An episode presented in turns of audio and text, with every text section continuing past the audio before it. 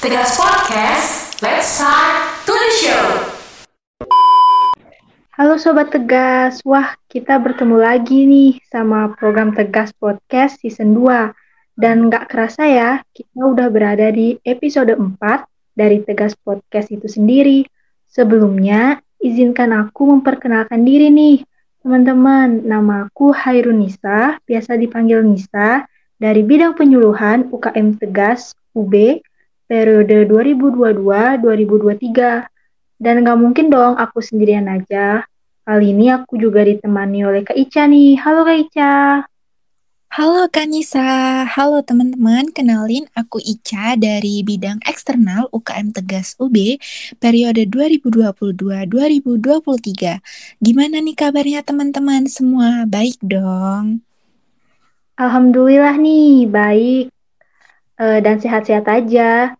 Dan pastinya aku juga semangat banget dong ya untuk memulai podcast kita kali ini. Ngomong-ngomong, kali ini kita akan bahas apa nih Kak Ica? Hmm, jadi ini kita mau ada podcast nih, Kanisa. Hari ini kita juga bakalan bahas topik yang menarik banget nih. Tentang pelecehan seksual pada anak usia dini dan HIV AIDS. Di mana topik ini tuh penting banget buat mengingat beberapa waktu terakhir itu banyak banget nih kasus-kasus pelecehan seksual yang menimpa anak-anak di usia dini. Oh, Kak Ica tahu nggak sih berita-berita yang maraknya terjadi kekerasan seksual pada anak, namun mirisnya hal tersebut dilakukan oleh orang terdekat yang seharusnya orang tersebut menjadi tempat yang aman untuk anak. Um, iya tuh, aku sempat lihat nih di beberapa sosial media. Kalau banyak banget bermunculan berita-berita nih mengenai kasus-kasus kekerasan seksual yang dilakukan oleh orang terdekat, misalnya ayah ataupun saudara dari korban tersebut. Nah, di mana tuh ayah ataupun saudara-saudara tersebut nggak seharusnya mendapat mendapatkan perlakuan seperti itu, apalagi mereka kan nih keluarga. Nah, bener banget tuh. Dan tentu aja kita juga penasaran dong dengan apa aja sih kekerasan seksu kekerasan pada anak dan apakah dapat menimbulkan HIV atau AIDS. Maka dari itu Kanisa, hari ini kita pengen bahas lebih dalam nih mengenai kasus-kasus pelecehan seksual yang terjadi pada anak usia dini dan apakah nantinya kekerasan seksual pada anak tersebut dapat menyebabkan HIV AIDS. Pas kali nih kita punya satu narasumber yang hebat banget. Kira-kira pada penasaran nggak sama siapa narasumber podcast kita kali ini? Langsung kita spill aja kali ya Kak Ica. Waduh, boleh banget tuh. Oke, langsung aja tanpa berlama-lama lagi. Kita udah terhubung belum nih sama Kak Sarah? Halo Kak Sarah. Halo Nisa, halo Ica. Halo Kak, apa kabar Kak? Baik dong, Alhamdulillah kayak biasa. Nisa sama Ica apa kabar? Baik dong, pastinya. Baik dong. Iya, Alhamdulillah. Mungkin dari Kak Sarah bisa nih memperkenalkan diri terlebih dahulu. Oke, halo teman-teman semuanya. Kenalin, aku Sarah Salsabila, biasa dipanggil Sarah. Aku dari UKMF Stop HIFA dari FKM Undip 2022. Salam kenal semuanya. Salam kenal juga Kak Sarah. Oke Kak, malam hari ini kita bakal bahas topik yang menarik banget nih mengenai kekerasan seksual pada anak usia dini dan apakah nantinya itu bisa menyebabkan HIV AIDS. Kira-kira nih Kak, dari Kak Sarah sendiri, gimana nih? Apakah udah ada gambaran belum buat apa yang akan dibahas pada podcast kita malam hari ini? Wah, udah dong teman-teman. Ada banyak banget nih hal yang mau aku obrolin malam ini. Dan semoga mudah-mudahan bisa bermanfaat juga buat teman-teman yang dengerin ya. Baik nih, Kak Sarah. Apa kita langsung mulai aja nih ke pertanyaan pertama? Wah, boleh. E, pertanyaan dari aku, apa aja sih jenis-jenis pelecehan seksual pada anak dan remaja? Oke, buat yang pertama ini mungkin uh, kita prolog dulu kali ya ke pelecehan seksual sendiri gitu. Nah, kalau pelecehan seksual seperti yang kita tahu ya teman-teman gitu, itu merupakan tindakan yang tidak diinginkan yang dilakukan oleh satu orang kepada orang lain, baik secara verbal maupun non-verbal, dengan maksud yang seperti yang aku sebutin tadi ya tidak diinginkan tanpa adanya konsen atau persetujuan dari pihak si korban gitu. Nah, untuk jenis-jenisnya ini bisa kita bagi dulu nih secara garis besar jadi dua golongan. Yang pertama itu secara verbal, yang kedua itu secara non-verbal.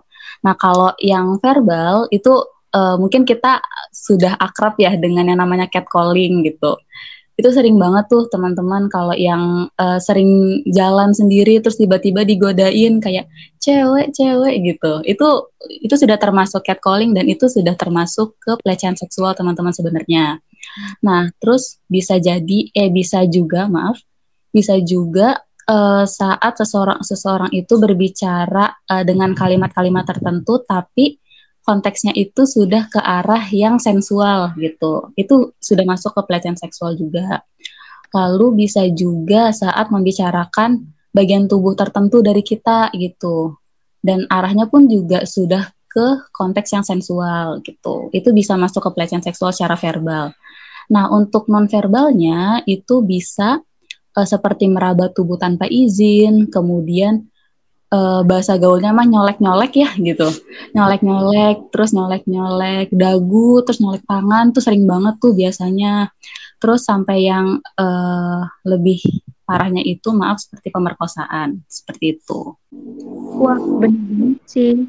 Uh, secara nggak langsung sebenarnya kita tuh udah sering tahu ya tentang pelecehan seperti yang catcalling disebutkan tadi, cuma kadang kita itu nggak tahu kalau itu termasuk dalam pelecehan eh, pelecehan. Iya betul banget, karena sering banget kita kita alami kan gitu. Jadi berpikirnya oh mungkin itu sudah biasa gitu, padahal itu sudah termasuk ke pelecehan seksual sebenarnya.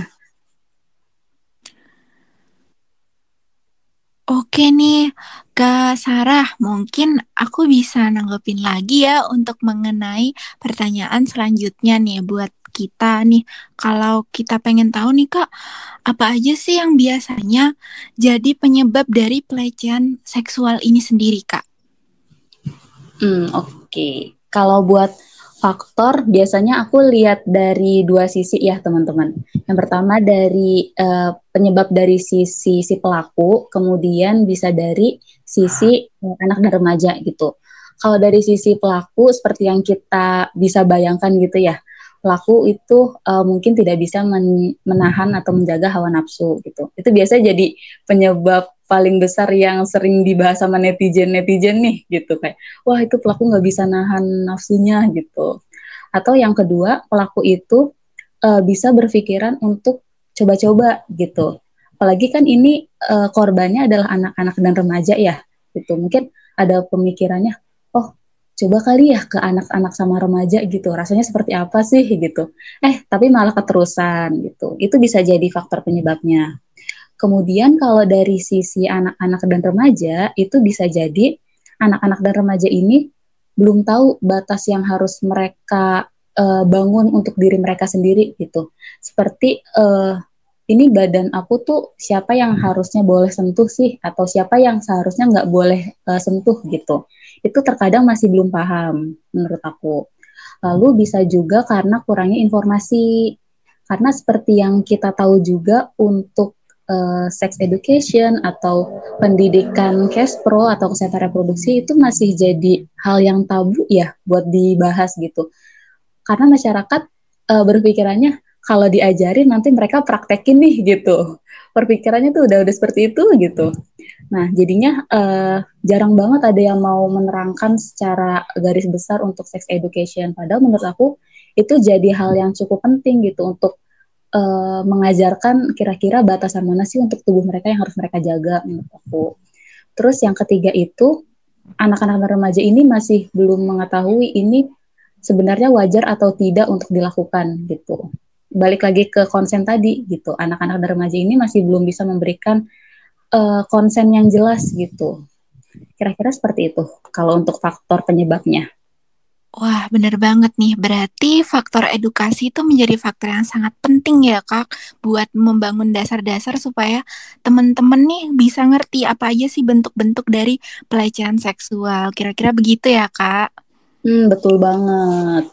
Nah, selanjutnya nih, kalau misalnya kita melihat ada anak dan remaja yang telah mendapatkan pelecehan seksual, apa aja sih dampak dan akibat yang dirasakan oleh korban atau anak tersebut? Kalau untuk dampaknya uh, bisa dibilang tidak bisa kita remehkan ya teman-teman gitu.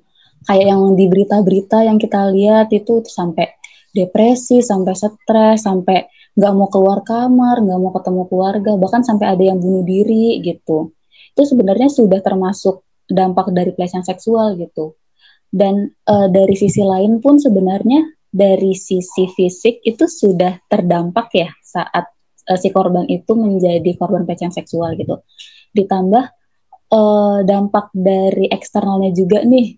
Misalkan dari omongan tetangga, aduh omongan tetangga sama omongan netizen kan tajam banget ya teman-teman. Wah itu biasanya uh, langsung ngomongin segala macam gitu. Padahal di sisi uh, maaf di situasi seperti ini korban itu adalah korban gitu tapi korban itu tidak mendapatkan perlindungan yang uh, dia butuhkan dari orang-orang sekitar gitu, malah dikucilkan, malah dijauhi, tidak dirangkul gitu. Itu bisa menyebabkan depresi juga ke korbannya. Gitu. Jadi secara fisik sudah berdampak, secara mental pun juga ikut uh, terdampak seperti itu. Wah, bener banget sih. Uh, korbannya ini mendapatkan dua ya da dampaknya, ada dampak psikis dan ada dampak fisik. Kalau psikis tuh seperti depresi, stres, dan bisa juga mengakibatkan hingga bunuh diri. Lalu kalau ke fisik e, bisa mendapatkan penyakit mungkin ya dari pelaku. Mm, bener banget. Nah, kalau disambungin nih Kak dari pengaruh kesehatan nih kira-kira bisa nggak sih Kak dari uh, kekerasan seksual itu bisa menularkan HIV atau AIDS gitu Kak kira-kira? Untuk presentasenya menurut aku bisa dan ada kemungkinan juga gitu. Terlebih saat pelaku itu sudah menjadi penderita gitu. Dan yang lebih buruknya saat penderita, maaf, saat pelaku tersebut tidak sadar kalau dia sudah menjadi penderita gitu. Karena uh, untuk HIV sendiri kan menularnya melalui uh, maaf cairan kelamin ya teman-teman seperti cairan sperma atau cairan vagina gitu. Jadi sangat-sangat memungkinkan gitu, apalagi untuk pelecehan seksualnya itu dilakukannya secara nonverbal gitu. Itu sangat uh, memiliki kemungkinan untuk bisa tertular HIV/AIDS. Oh gitu ya kak. Jadi kira-kira masih ada nih ya kemungkinan buat korban-korban itu tertular HIV/AIDS dari para pelaku. Mm, benar banget. Dan ini tidak uh, menutup kemungkinan untuk penyakit menular seksual yang lainnya juga ya teman-teman gitu. HIVS juga bisa jadi salah satunya. Baik, lalu kan kita pernah dengar nih kalau HIV AIDS itu bisa menular dari cairan tubuh seperti contohnya darah, air mani atau air sperma. Nah, kalau deng kalau dengan air liur apakah bisa menularkan HIV AIDS juga, Kak? Kalau untuk air liur sejauh yang aku tahu ya teman-teman, itu belum bisa jadi penularan uh, eh, HIV/AIDS dan mudah-mudahan juga tidak tidak sampai jadi media penularan juga ya gitu. Karena uh, untuk cairan di air liur itu belum bisa menjadi media yang tepat untuk perkembangan virus HIV gitu. Jadi belum bisa untuk menjadi media penularan dan jangan sampai bisa gitu ya.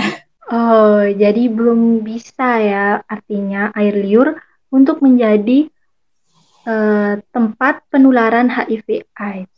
Nah, kalau disambungin lagi nih Kak ke para korban yang mayoritas itu masih anak-anak di bawah umur nih. Kira-kira hmm. dari anak-anak di bawah umur ini kalau misalkan mereka memang terkena HIV AIDS atau mendapatkan indikator menjadi korban penerima HIV AIDS itu nanti apakah kira-kira menghambat pertumbuhan dari mereka sendiri, Kak? Untuk menghambat pertumbuhan itu bisa ada kemungkinannya, teman-teman. Karena untuk HIV AIDS ini kan menyerang sel kekebalan tubuh ya, seperti yang kita tahu gitu. Dan saat sel kekebalan tubuh itu sudah terserang, otomatis proteksi uh, anak-anak ini untuk menghalau berbagai penyakit juga otomatis akan sedikit demi sedikit menurun gitu. Dan penurunan sistem imun ini juga akan berdampak kepada uh, pertumbuhannya di masa yang akan datang gitu. Mungkin kita ambil contoh dikit juga gitu ya. Uh, kita ambil contoh seperti penyakit diare lah gitu. Saat sistem proteksinya ini tidak bisa tidak bisa menghalau gitu ya penyebab dari penyakit diare misalkan dari bakteri gitu karena uh, adanya virus HIV proteksi untuk terjadinya eh maaf proteksi untuk menghalau diare ini timbul kan juga akan semakin kecil ya dan otomatis memperbesar si anak tersebut untuk kena diare gitu.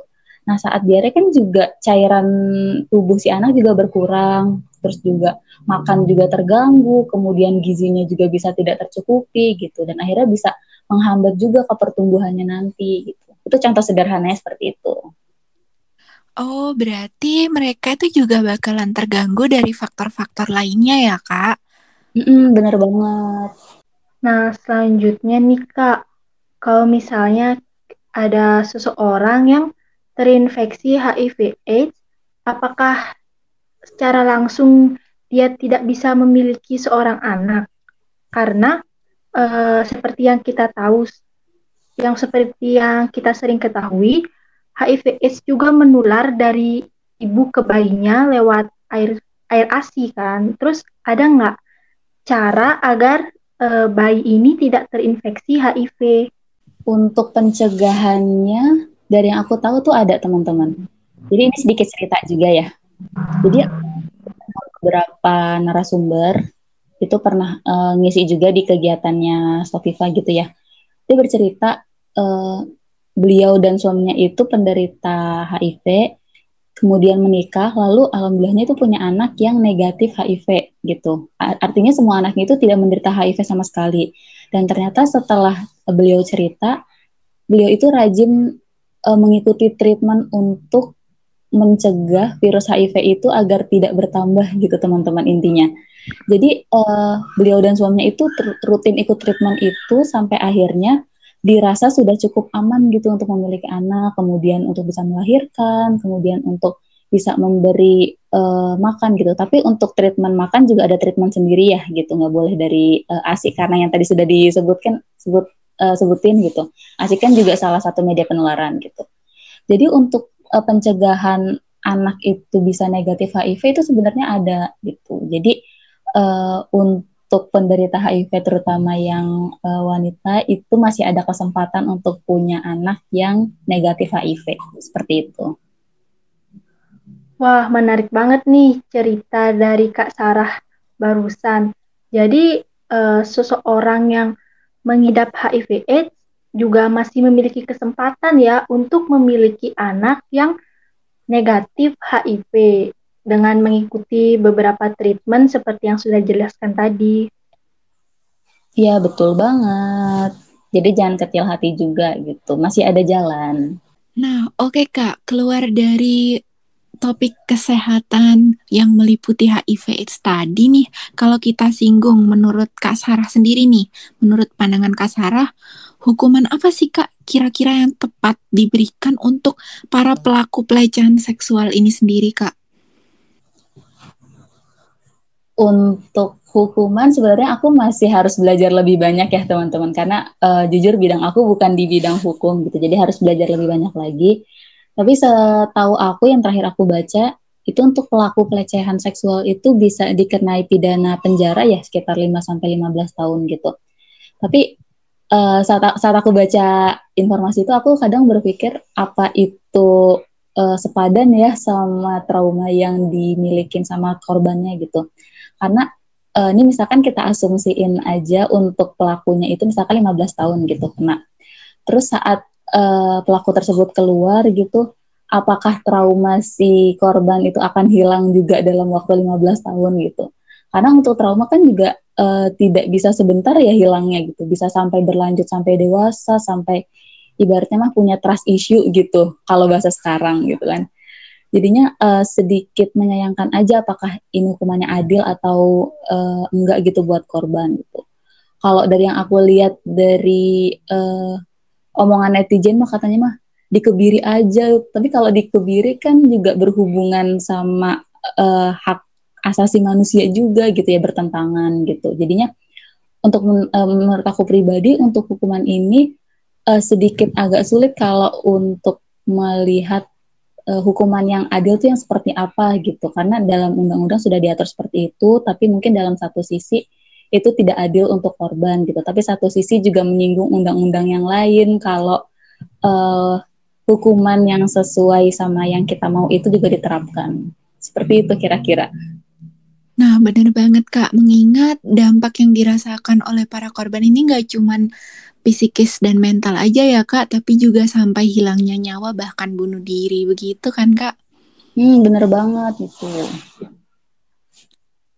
Menyambung pertanyaan yang tadi, menurut pandangan Kak Sarah nih, bagaimana sih penegakan hukum di negara kita tentang maraknya kasus pelecehan seksual pada anak dan remaja?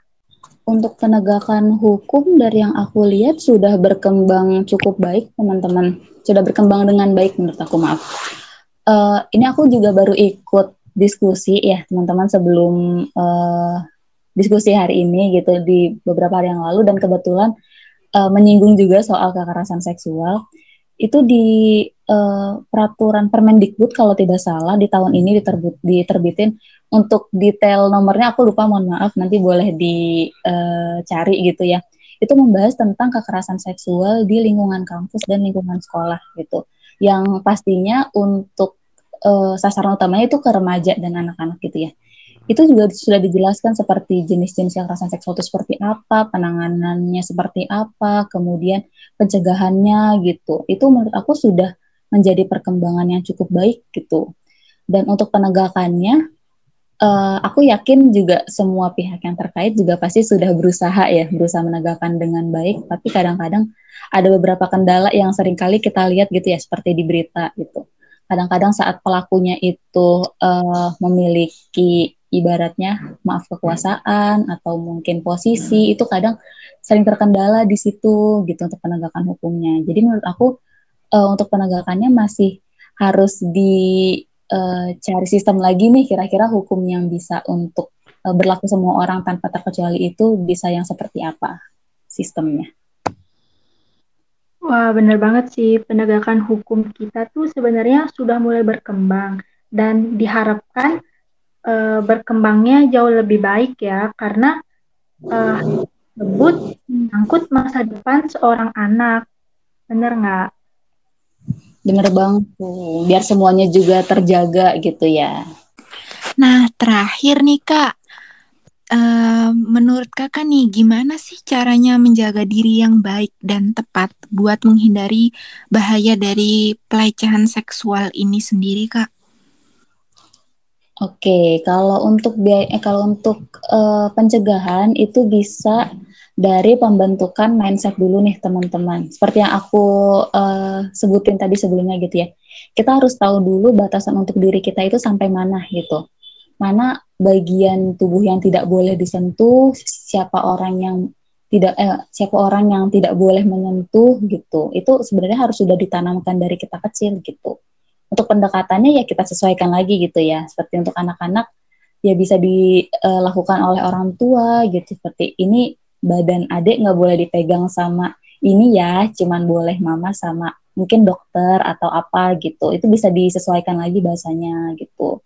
Untuk remaja pun juga sama penanaman mindset ini juga menurut aku sesuatu yang penting gitu. Karena kalau remaja kan masih dalam uh, fase bergaul ya dan kita lihat sekarang pergaulan pun juga untuk uh, pergaulan sosial sudah sangat lumrah untuk saling sentuh atau apa gitu. Itu menurut aku juga harus ditanamkan. Kemudian pendapatan informasi juga itu penting banget nyari tahu tentang pelecehan seksual itu apa, jenis-jenisnya apa gitu. Itu sudah harus uh, dilakukan juga. Itu melalui sex education juga bisa itu. Uh, melalui pendidikan Kespro pun juga bisa Terus bisa juga nih uh, buat uh, terutama buat yang remaja gitu ya.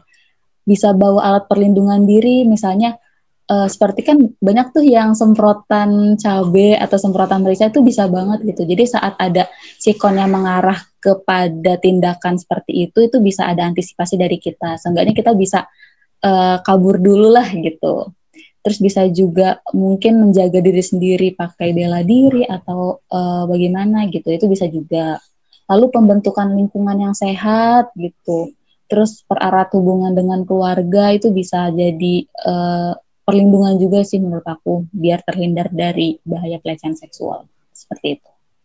Uh, intinya untuk menjaga diri dari kekerasan seksual itu bisa dimulai dari hal yang terkecil gitu ya kak? Mm, bener banget. Wah, kerasa ya pertanyaan kita sudah habis. Dan kita pun mendapat banyak pelajaran dan manfaat pada podcast kali ini ya sekaligus memberikan pengetahuan baru nih bagi kita mengenai kekerasan seksual pada anak bahaya AIDS itu sendiri. Bener banget nih Kanisa. Semoga ya habis dengerin podcast ini kita semua dan teman-teman semua bisa lebih sadar nih mengenai bahaya dari pelecehan seksual dan HIV AIDS. Kita juga ngucapin banyak terima kasih untuk Kak Sarah dari Ketum Stop HIVA FKM Undip yang udah bersedia ngisi dan meluangkan waktunya untuk podcast kita kali ini, Kak. Sama-sama. Terima kasih banyak juga semuanya. Semoga bermanfaat ya. Siap Kak, terima kasih juga nih buat teman-teman semua pendengar setia Tegas Podcast dan jangan lupa buat terus dengerin podcast kita di episode selanjutnya. Nah, kali ini aku ada quotes nih yang ingin aku bacakan, yaitu mencegah jauh lebih baik daripada mengobati. Mari kita mencegah HIV AIDS untuk Indonesia yang lebih baik. Mungkin sampai sini dulu ya perbincangan kita di podcast kali ini. Sampai bertemu di Tegas Podcast episode selanjutnya. Stay tune semua. Terima kasih, Kak. Terima kasih, Kak Sarah. Terima kasih juga semuanya.